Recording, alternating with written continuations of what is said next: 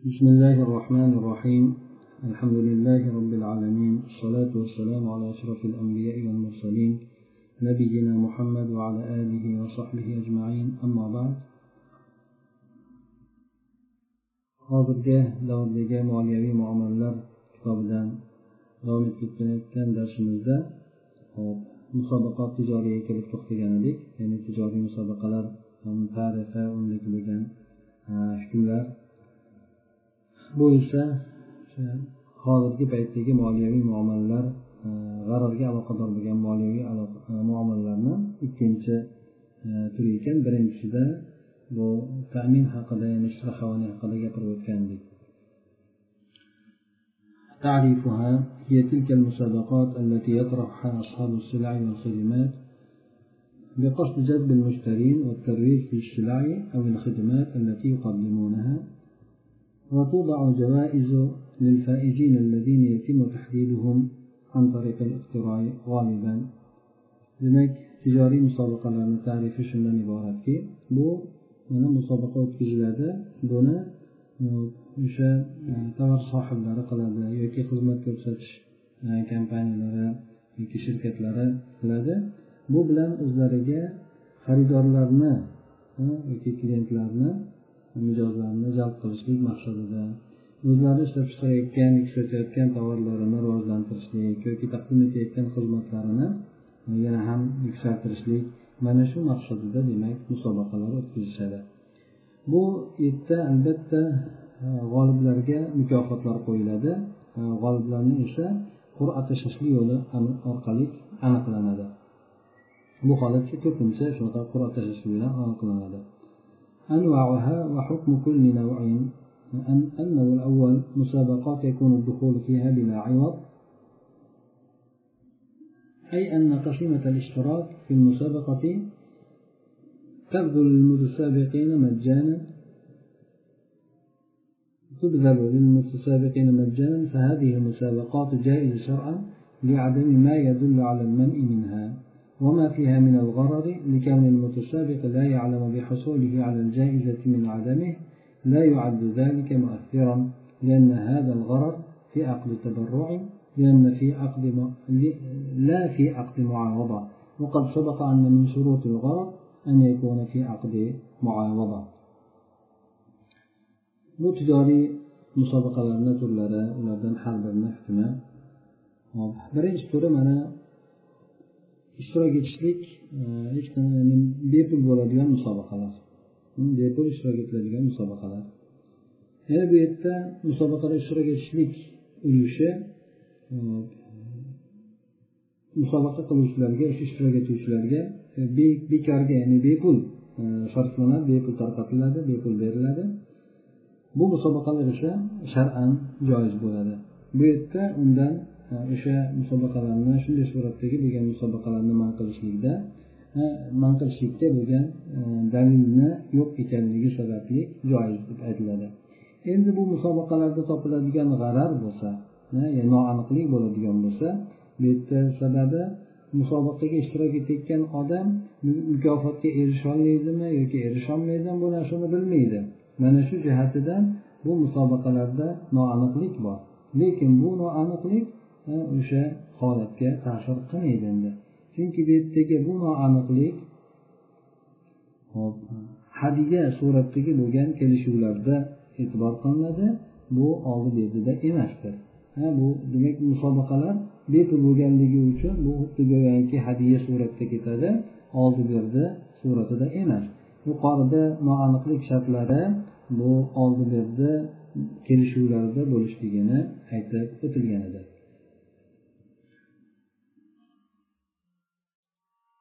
Ikkinchi turi esa مسابقات يكون الدخول فيها بعوض فهذه محرمة ولو كانت قيمة الاشتراك زهيدة لأن فيها غررا ظاهرا إذ إن المتسابق يدفع قيمة الاشتراك وقد يربح الجائزة فيكون غانما وقد لا يربح شيئا فيكون غارما فهذه المسابقات من الميسر. فإن كانت المسابقة لا قيمة لها بنفسها ولكن الدخول في المسابقة مشروط بشراء سلعة ونحو ذلك مثل أن تكون المسابقة منشورة في جريدة أو ملصقة على منتج آه، ومن شرط الدخول فيها شراء ذلك المنتج منتج.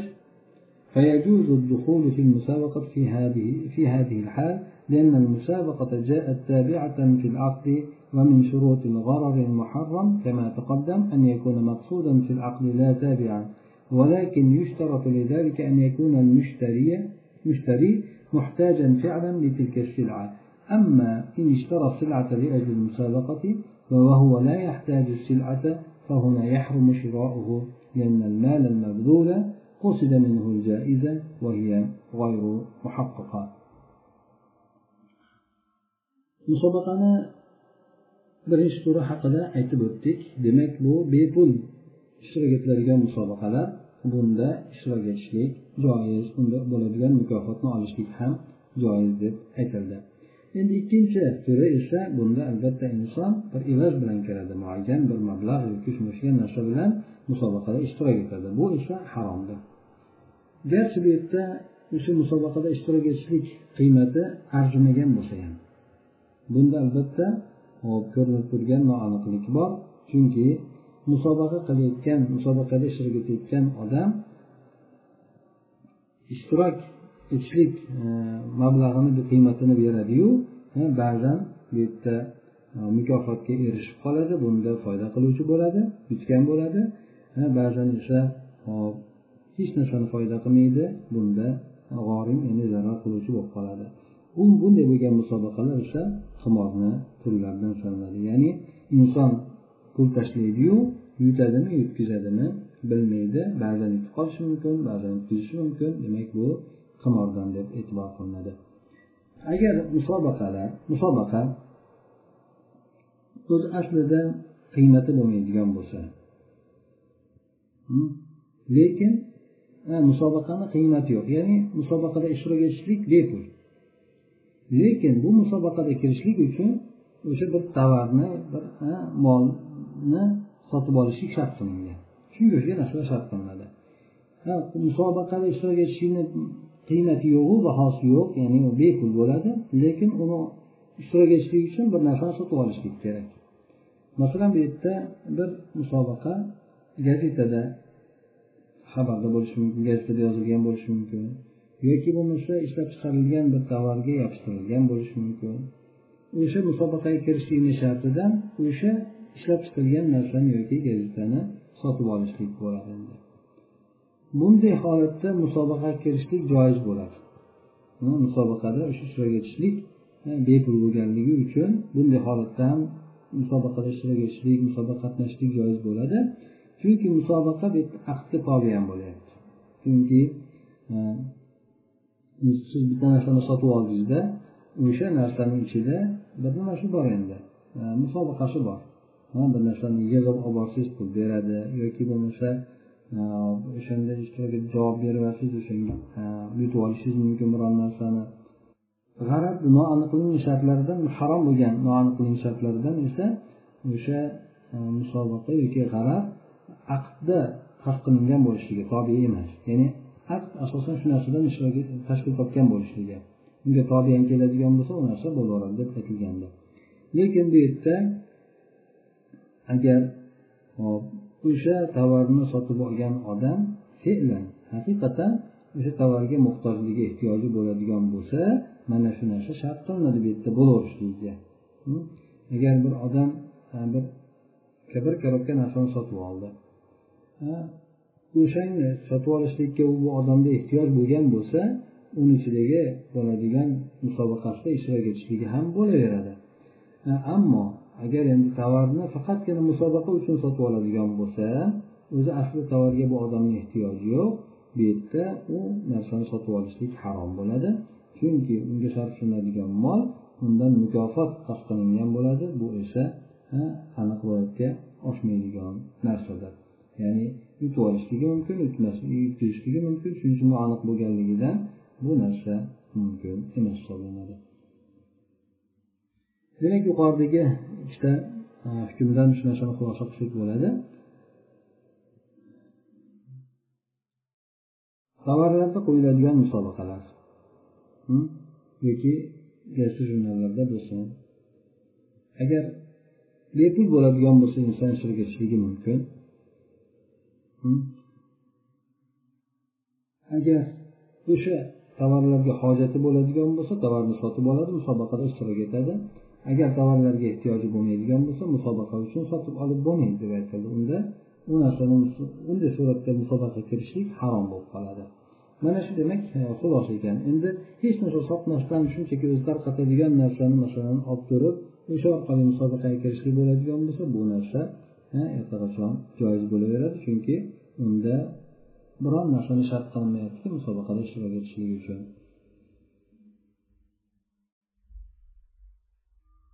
Uchinchi surati endi ya'ni moliyaviy bo'lgan muomalalarni noaniqlik surati bo'lgan uchinchi turi.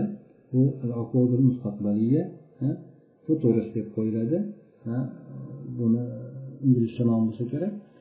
تعرفها العقود المستقبلية إحدى طرق تبادل الأوراق المالية في أسواق المال يتم فيها دفع الثمن وتسليم الأوراق المالية محل الصفقة في موعد لاحق يسمى موعد التسلية مثالها اشترى وليد 100 سهم من علي بقيمة 5000 ريال.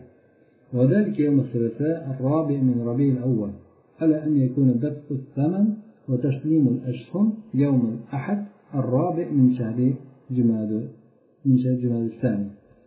حكمها العقود المستقبلية محرمة لأن كلا الإعادين مؤجل وقد أجمع العلماء على تحريم بين المؤجل بالمؤجل والاجتماع العقدي على الغرض إذ إن الأسعار تتقلب خلال هذه المدة تقلبا فاحشا كما أن بائع الأسهم عادة لا يكون مالكا لها عند العقد فهي من بيع ما لا يملك. Buni tarifini aytadiki kelajakka qo'yiladigan kelishuvlar bu to'g'risida degan nom bilan bu arab davlatlarida mashhur ekan. Bu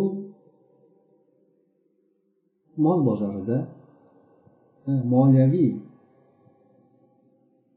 qog'ozlarni o'zaro almashishlik ya'ni aksiyalar hmm, hop yo'llarda o'zaro almashishlik yo'llaridan bittasi bunda pulni berishlik hamda o'sha moliyaviy qog'ozni bo'lmagandan keyin hop uni evazidan uni sotishlik yoki berishlik bu bir va'da qilingan paytda o'sha kelishuvlik e, o'rnida nima qilinar ekan e, tamomiga yetar ekan. Bir paytni va'da qilib turib tamomiga yetar ekan bu narsa. Bu ya'ni kelajakda bo'lishligi ya'ni hozirdan ikkalasi aytyaptida falon paytda men falon pulni beraman falon paytda u narsani berasiz deb hozirdan kelishuv qilishligi o'sha safqa ya'ni safqa degani ikki tomonni kelishuv qilishligi. Kelishuv o'rni tamomiga yetadi lekin va'dani keyin kelgusiga qo'yib turib aytishadi. Bu tavsiya deb aytiladi endi. Ya'ni keyinga o'sha narsani qo'yib turib savdo qilishlik deb nomlanar ekan. Buni misolini shunga keltiradiki bir odam valid degan bir odam alidan yuzta aksiyani besh ming real kron qiymati bilan sotib oldi. Bu robiy avvalni to'rtinchi kuni seshanba kuni bo'lgan ekan kuni bo'lar ekan. Pulni esa jumodisoni oyini to'rtinchi kuni ya'ni to'rtinchi jumodil soniyda yakshanba kuni pulni beradi. Bu esa aksiyalarni unga topshiradi. Mana shu narsani ular avvaldan kelishgan tushunarli bo'lgan bo'lsa kerak. Ya'ni bir odam kelajakdagi savdoni hozir qilyapti. Bir odamni qo'lida hali aksiya endi kelib tushadi ehtimol. Yani ikki oydan keyin aksiya olaman deydi. Nechi pulga sotasiz deydi monchaga sotaman deydi. Aksiya bilasizlar bu o'ynab turadigan narsa. Bo'pti deb o'sha falon paytda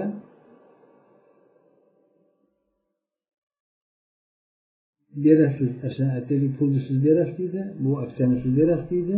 O'sha falon paytda bo'ladigan kelishuvni o'sha amaliyotda bugungi kunda shuni kelishib turib ikkalasi bay qilishyapti. Buni hukmi aytyaptiki kelajakka bog'lab qilinadigan aqdlar mana bu suratda harom hisoblanadi. Chunki ikkala beriladigan evaz ham muajjal bo'lyapti bu yerda nashiya bo'lyapti ya'ni yo'q bo'lyapti hozir naq emas. Ya'ni bayni suratlarini aytib o'tilganda allohu alam aytilgan edi hm, ya'ni bay to'rt xil bo'ladi. To'rt xil bo'ladi. Bunda bir ya'ni pul oldindan berilib turib tovar keyindan bo'lishi mumkin. Hm, Pulni hozirdan berasizda masalan ba'zi tovarlarni keyin olasiz hm, ribo kirmaydigan tovarlar bo'ladigan bo'lsa bo'laveradi. Ha birovga pul beryapsizda menga anaqa narsani olib kelib berasiz deb turib yoki manaqa narsani hozirdan oldindan pul berib qo'yiladi keyindan masalan aytaylik nimalar ham shunga kiradi. Hop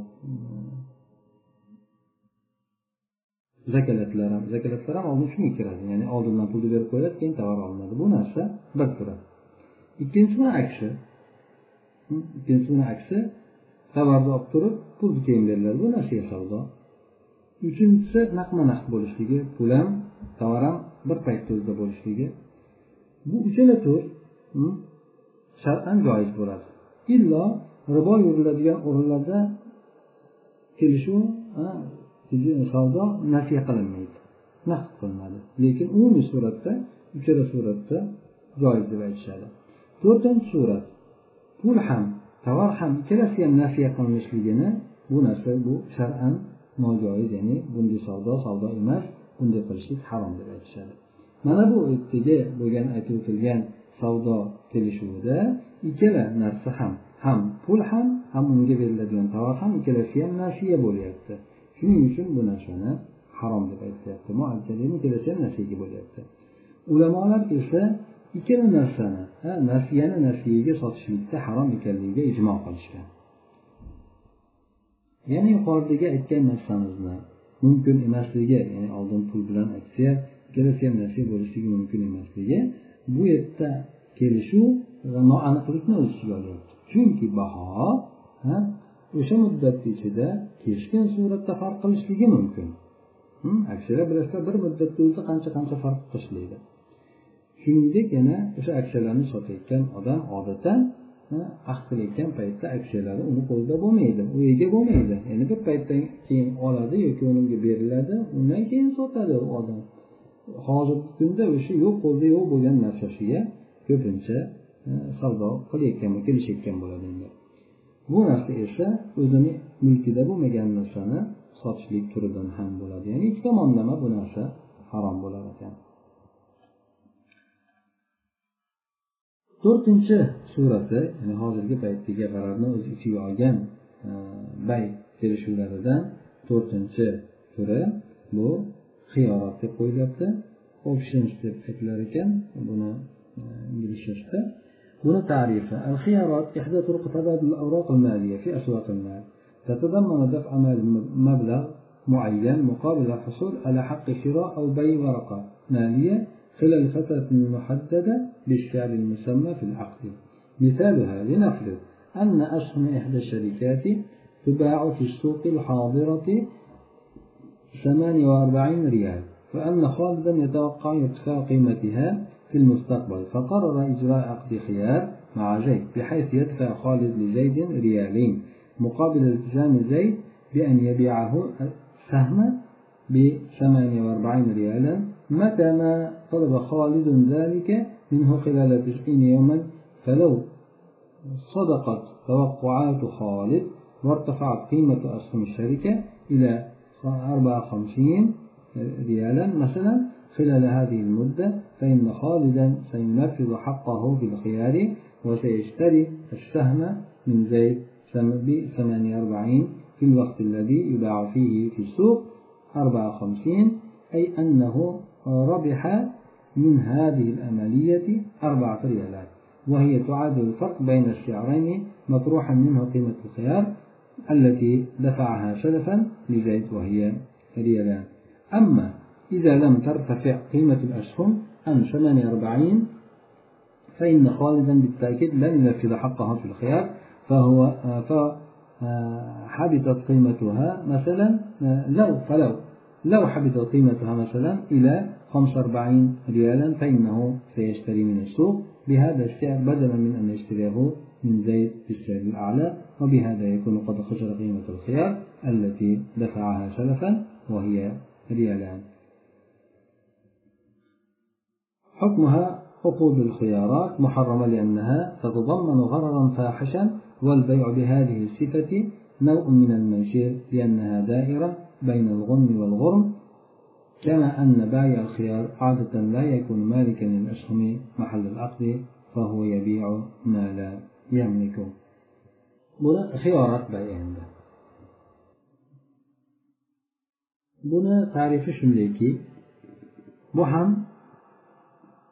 mol bozorida moliyaviy qog'ozlar ya'ni aksiyalar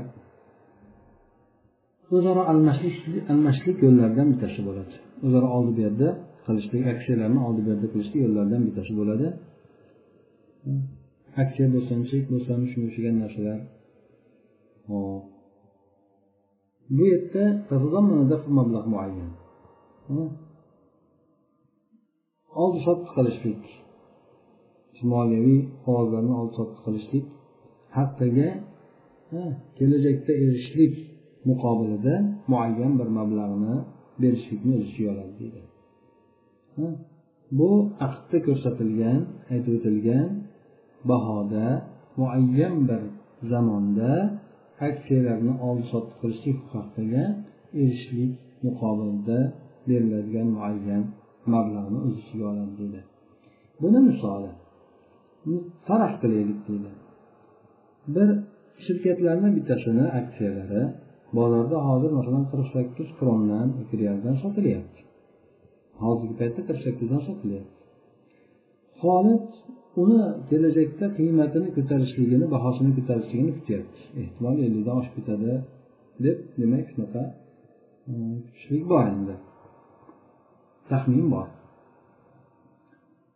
Endi keyin bu bir zayd degan bir odam bilan ixtiyor kelishuvini ijro qilishlikni qaror qilib qoladi shu bir zayd degan odam bilan men ixtiyor kelishuvini qilsin deydi bu yerda xolid shu kutayotgan odam ko'tariladi deb kutayotgan odam o'sha zaydga ikki realni ya'ni ikki krondan beradi.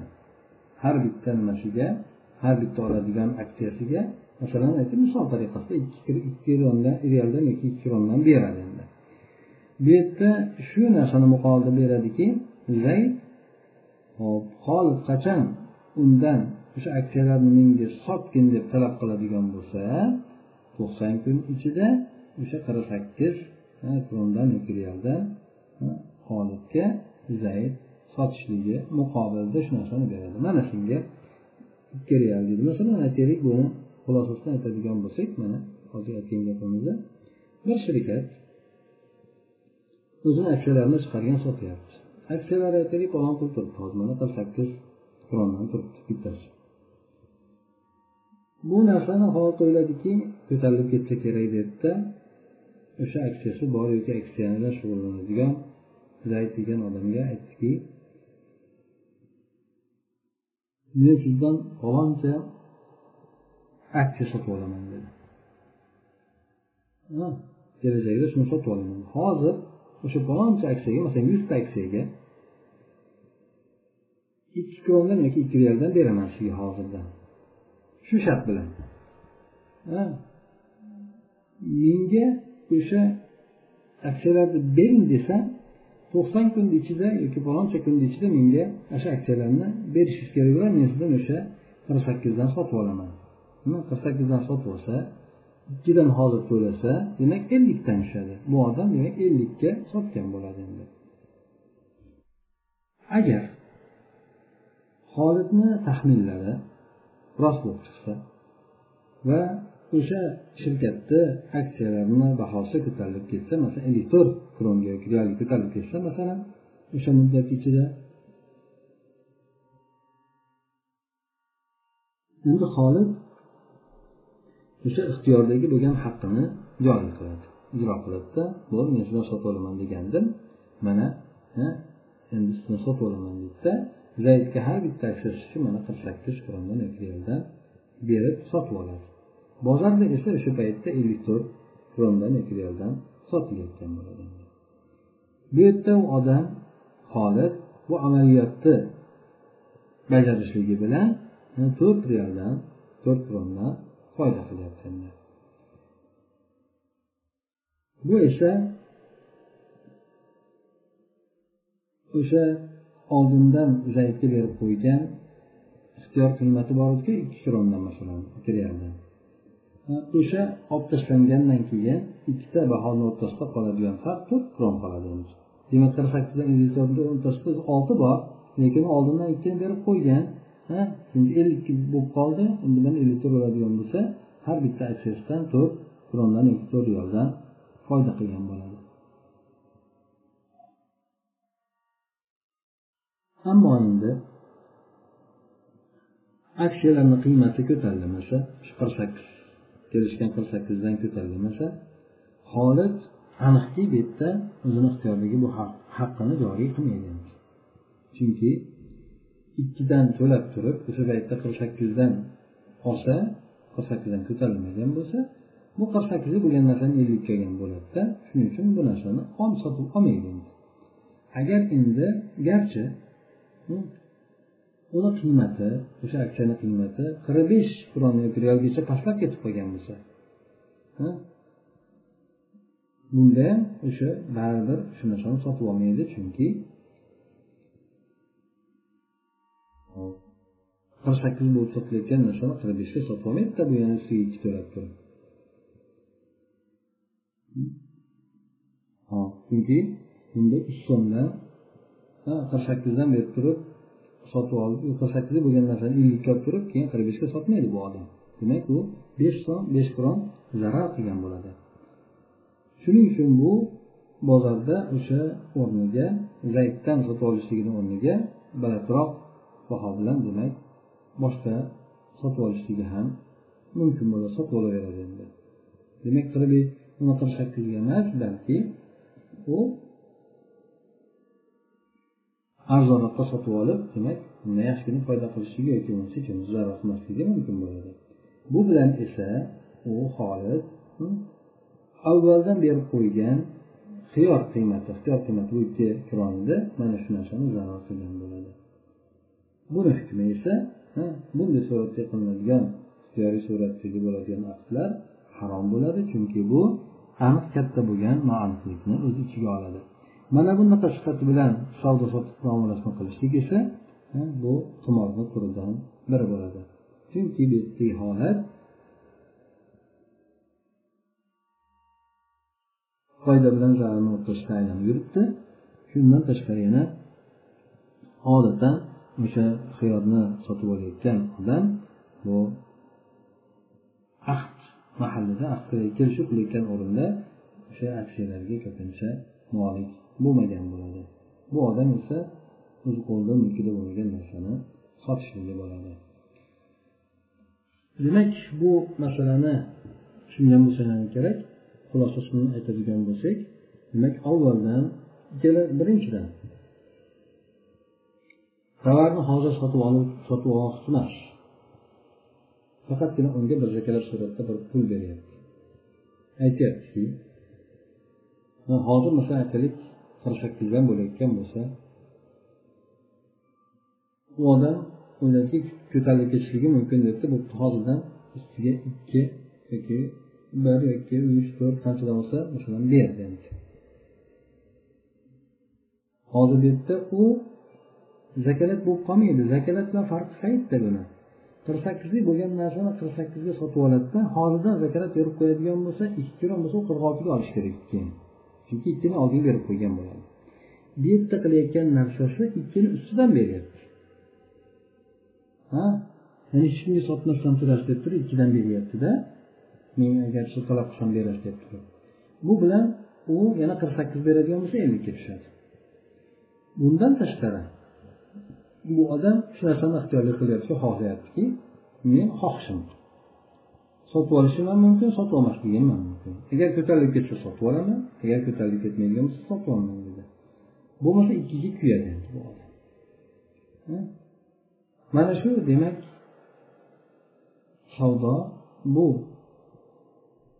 Havoga muallaq qilinganligi uchun kelajakda ikkalasi ham nasiyani bo'layotganligi uchun mana bu savdo turini harom qilingan chunki bunda noaniqlik bor deyilyapti. Noaniqlik demak inson tasavvur qilib bo'lmaydigan tarzda bir ko'tarilib bir tushib ketgan bo'lishi mumkin.